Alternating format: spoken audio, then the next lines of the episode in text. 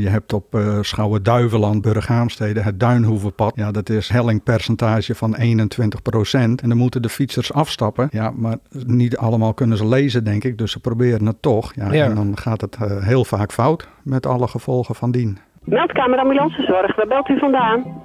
Er is hier een ongeval gebeurd. Welkom bij Kom bij de Ambulance, de podcast. De podcast over werken op de ambulance.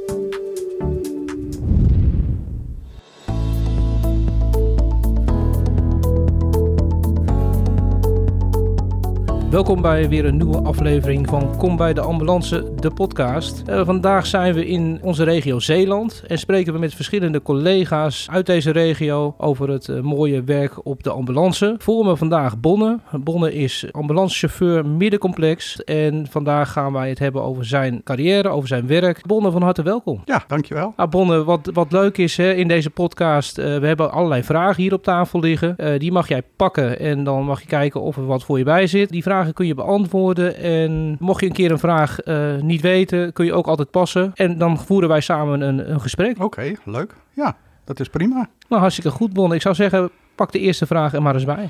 Nou, ik heb de eerste vraag hier en uh, die luidt als volgt. Ga je na een rit altijd terug naar je post? Nou, ik vind dat wel een leuke vraag en die kan ik ook wel beantwoorden. En dat is 9 van de 10 keer niet. Oké. Okay. En uh, dat zit namelijk zo, als wij ons vrijmelden, uh, dan is het 9 van de 10 keer dat we een nieuwe rit alweer aangeleverd krijgen door de meldkamer. Dus vandaar. En het gebeurt dus ook wel dat je terug naar de post mag, maar dus niet na elke rit ga ik terug naar de post. Oké, okay, dus, dus ik kan eigenlijk wel zeggen dat er in Zeeland best wel veel uh, ritten gereden worden, ook achter elkaar dus. Ja, dat, uh, dat kan je wel zeggen. Ik had uh, gisteren een dienst, een dienst van uh, 9 tot 6. En ik heb me om 9 uur ingemeld en we waren om kwart over 5 terug op de post. Zo. Dus verder heb ik de post niet gezien. Dus dan maak je echt, hoeveel ritten zijn dat ongeveer? Dit waren niet zoveel, vier ritten maar. Want dat is dan een rit naar het EMC in het Erasmus in Rotterdam.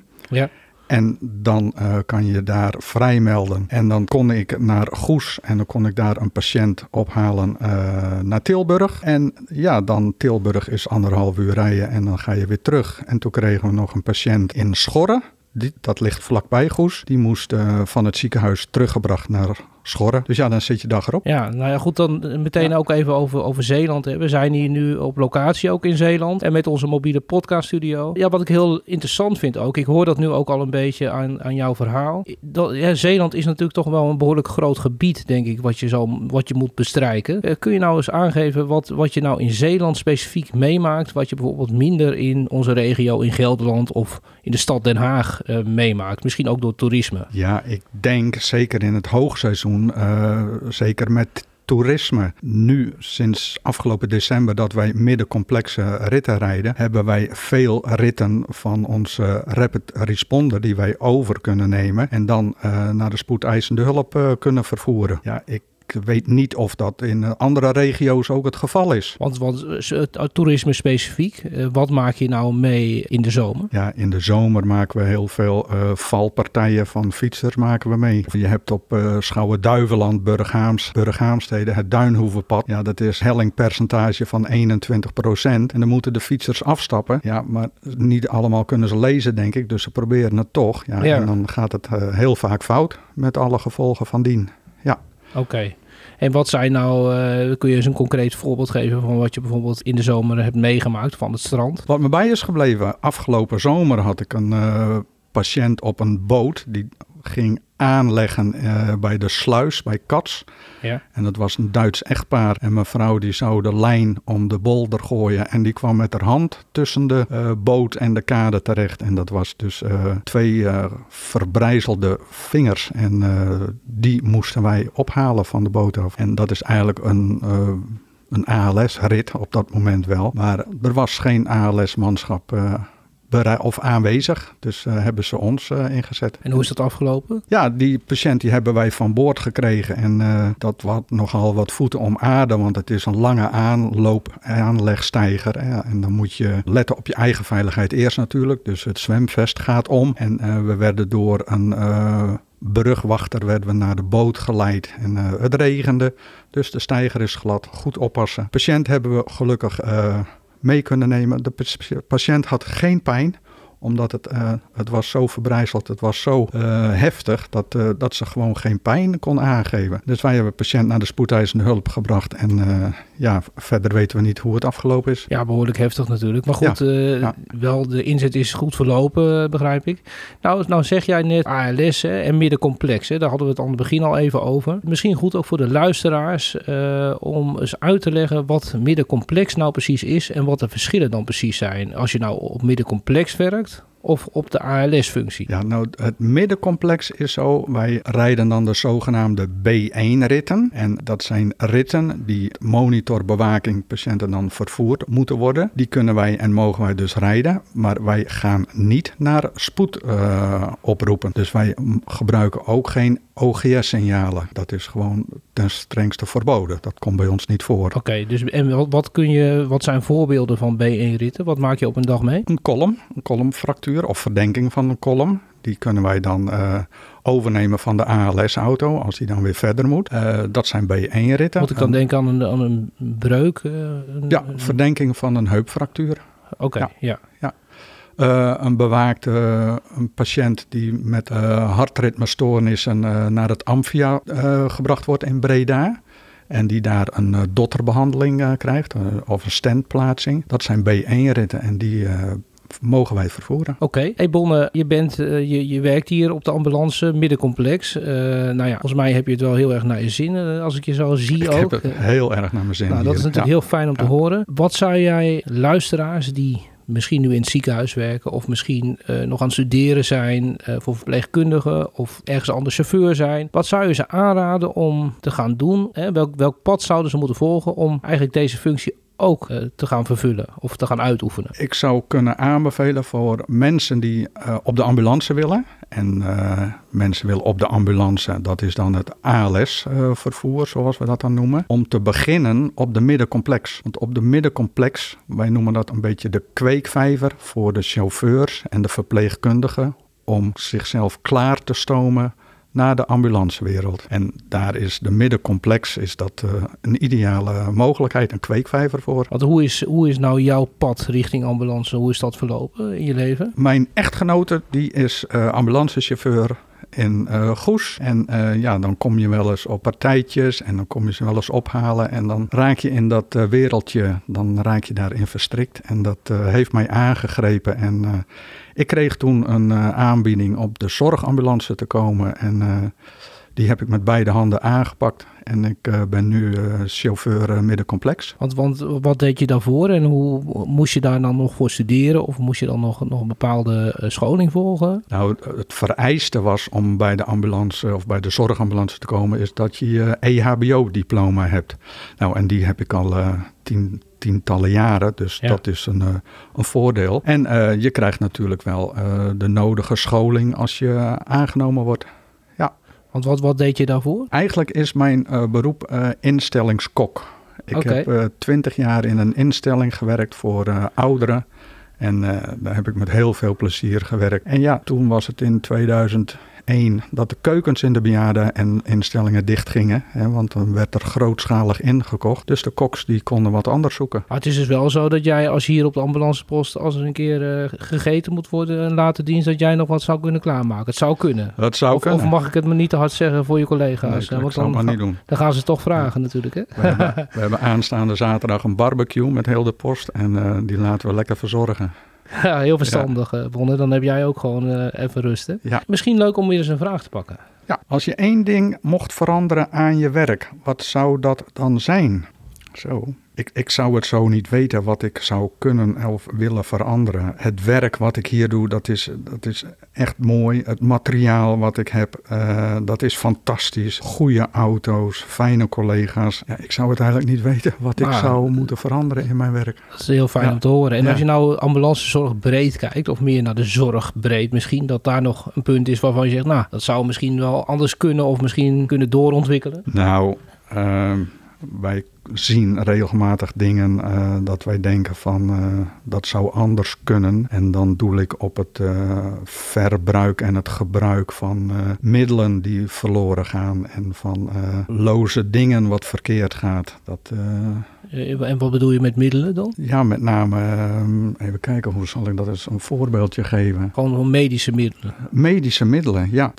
een, een patiënt die had 20 ampullentjes morfine had hij gekregen. En de patiënt kwam te overlijden. En de ampullen worden teruggenomen door de apotheek. En al de ampullen die worden gewoon vernietigd. Die mogen niet hergebruikt worden. En als je dan zag hoeveel tonnen, dus een tonnen dan bedoel ik uh, kannen die gevuld zijn waar afvalmedicatie in ligt. Wat echt heel erg zonde is. En ik denk dat je daar uh, wel in zou kunnen besparen in de nou, zorg. Dat is toch een hele goede ja. tip, denk ja. ik. En ook een, een, goed punt waarvan je zegt, ja, het is toch zonde dat er bepaalde medische middelen nu door regelgeving dan toch misschien uh, verloren gaan. Terwijl ze eigenlijk mogelijk hergebruikt zouden kunnen worden. Ja, ja absoluut. Nou, helder. Goed, uh, goed punt, denk ik. Nou, de vraag die ik gepakt heb is, hoe ziet jouw gemiddelde werkdag eruit? Nou, ja, dat, dat kan heel verschillend zijn. Ik ga mij uh, over enkele uh, ogenblikken ga ik mij inmelden bij de meldkamer. En ik verwacht eigenlijk dat ik gelijk een rit krijg. Want wij zijn momenteel de enige middencomplex auto vandaag. Want door scholing en ziekte van collega's zijn er twee auto's uitgevallen helaas. Dus ik denk dat ik zo weg kan. En ja, dan uh, gaan we achter het stuur en dan, uh, dan gaan we de ritten rijden die we opgedragen krijgen. En, en uh, jij werkt ook in, op verschillende tijden, neem ik aan. Want hoe ziet Ja. een dag vanaf het begin er dan uit? Ja, we hebben acht, van huis uit en dan door bijvoorbeeld? Ik woon in Zierikzee en dan uh, doe ik 25 minuutjes uh, in de auto. En dan kom ik naar de post in Goes. Dan ga ik me verkleden. En uh, dan kijk ik welke auto tot onze beschikking. Want voor de luisteraars goed, hè? de kleding hangt altijd op de post. De kleding hangt altijd op de post. Ja, Hoe werkt dat dan? Wordt, wordt dat hier gewassen of hoe, hoe zit dat? ja je hebt zoveel kledingstukken. Ik werk fulltime, dus je hebt zes werkbroeken. En je hebt zes polo's en uh, twee jassen en twee vesten. Dus dat is hier, dat heb je je eigen lokker voor. En uh, na afloop van je dienst, dan gaat je uh, kleding uh, in de waszak. En dat wordt uh, drie keer in de week opgehaald door de wasserij. En die neemt dan uh, het schone kleding weer mee terug. Oké. En zo wordt het uh, gedistribueerd op de post. Ja, nou en dan heb je je kleding aan. Eh, daar waren we zo'n beetje. Ja, ja. En dan? Nou, dan uh, meld je dus in en je stapt in je auto. Je doet eerst je autocontrole, je voertuigcontrole. Of uh, alles werkt, of alles erop zit en of alles uh, heel is. En dan meld je dus in bij de meldkamer en dan ga je rit rijden. Ja, helder. Ja, en dat kan dan drie, vier, vijf, zes, zeven ritten op een dag kunnen dat zijn. Het kunnen ook hele korte ritjes zijn. We kunnen ook van Goes naar Vlissingen naar de bestralingsruimte. Patiënten brengen we daar ook. En die uh, bestraling dat duurt uh, anderhalf tot tweeënhalve minuut. Dus dan wacht je op en dan neem je de patiënt weer mee terug. Oké. Okay. Hey, en is het nou zo dat als je dan uh, terugrijdt naar de post, hè, zijn er dan altijd collega's? En wat zijn dan bijvoorbeeld ook jullie werktijden? Onze werktijden zijn van, uh, wij hebben diensten van 8 tot 5 en van 9 tot 6 en van 1 tot 9 uur s'avonds. Oké. Okay. En dan in het weekend hebben we nog dienst van 10 tot 6. Oké, okay, en in, in de avonduren dan, dan wordt er ook eten besteld of, dat, of nemen jullie zelf mee? Nee, dat wij, nemen zelf, wij nemen zelf eten mee. Oké. Okay. Ja. Ja, en uh, we nemen ook altijd onze tas met uh, eten mee in de auto, want die laten we niet op de post. Want ja, zo'n dag had ik dus gisteren ook, dan kom je niet meer op de post. Dus, uh, ja, precies. Dus je hebt het eigenlijk ook wel altijd bij je. Ja, we hebben altijd eten bij ons. Nou, ik denk dat het leuk is. Hè? We hebben nog maar een paar minuten te gaan. Dan ga jij ook je, je dienst inmelden. Ja, ik, want, uh... want, ik geloof dat we al bijna eigenlijk tegen jouw diensttijd aanzetten. Dus ik kijk even naar jou van, kunnen we de podcast nog net afmaken? Ik geloof dat we nog, nog twee minuten hebben, zo'n okay. beetje. Ik dat je je daarna ja. inmeldt? Of zeg je van ik meld me nu gewoon tussendoor even in? Voor de luisteraars ook goed om dat even te horen hoe dat werkt. En dan doen we nog een vraag. Ja, ik, uh, dat is goed. Kijk, ik heb me nu opgeroepen bij de meldkamer, dus ik meld me even in. Nou, heel goed. De, 5, uh, de 519 en uitzendkracht Carina van Bennekom op de 211 tot vanavond 9 uur. Ja, de 519 met dan de 501 als ik het goed heb. Staat dat erop en een goede dienst? Ja, heb ik ontvangen hoor. Dankjewel voor jullie ook goede dienst. Zo, dat was de meldkamer. Wij zijn uh, in dienst. voor jullie vanaf uh, Goes vanaf Vissen. Nou, ik hoor dat het inderdaad eh, al best wel. eh, je hebt ingemeld en jullie gaan al eh, vrij snel ook aan de slag. We hebben op de klok nog één minuut staan, Bonne. Misschien voor de luisteraars dat we nog één laatste vraag kunnen behandelen. Ik vond het heel leuk om te horen trouwens hoe jullie je inmelden. hè. Dat gaat dus via de meldkamer. En op dat moment heeft de meldkamer jullie ook beschikbaar en kunnen ze ritten naar jullie uitzetten. Hè? Zo werkt het. Hè? Ja, klopt. Bonne, zou jij nog een laatste vraag willen doen voor onze luisteraars? Ga ik doen. De vraag: rijd je op navigatie of op eigen stratenkennis? Ja, dat is, dat is niet moeilijk. Hier eh, in Zeeland rijden we wel op de navigatie, maar je weet natuurlijk nou wel naar welke plaats je gestuurd wordt. Ik heb nu, zie ik in, op mijn porto, een rit naar Vlissingen, naar de bestralings, eh, de ZRT, bestralingsruimte. Ja, die, eh, die kunnen wij blindelings rijden. Dus Ja. dat is geen probleem. Maar anders, dan rijd ik op navigatie.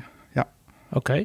En zijn er nou, eh, als je het hebt over de auto zelf, hè, heb je wel eens problemen onderweg? En, wat doe je dan? Moet je veel van een auto weten ook? Of hebben jullie, eh, zijn wij, eh, of zijn wij of jullie, zijn wij lid van een, ik noem maar iets een ANWB of zo? Of hoe werkt zoiets? Ja, wij hebben eigenlijk onze eigen ANWB. Wij hebben achter de zonneklep hebben wij een, nummer hangen. Kom je onderweg stil te staan en echt stilstaan, dan bellen wij dat nummer. En zij regelen binnen afzienbare tijd dat er of vervangend vervoer of een takelwagen of een ambulanceauto eh, ter plaatse komt. Nou, Bonne, ik hoor dat er de sirene afgaat, de, de, de wekker. Dus ja, dat betekent dat we onze podcast gaan beëindigen. Bonne, ja, heel erg bedankt voor jouw eh, inbreng in deze podcast. Eh, heel erg interessant om wat te horen ook over de middencomplexe zorg. Ja, nou, eh, ik vond het leuk. Graag gedaan. Ja, en, en ja, mogelijk eh, tot de volgende keer. Ja. Ik ga hem even Wie afsluiten. weet. Dankjewel. Bedankt voor het luisteren naar Kom bij de Ambulance, de podcast. Ben je enthousiast? Of wil je meer weten over het ambulancevak? Kijk dan op kombijdeambulance.nl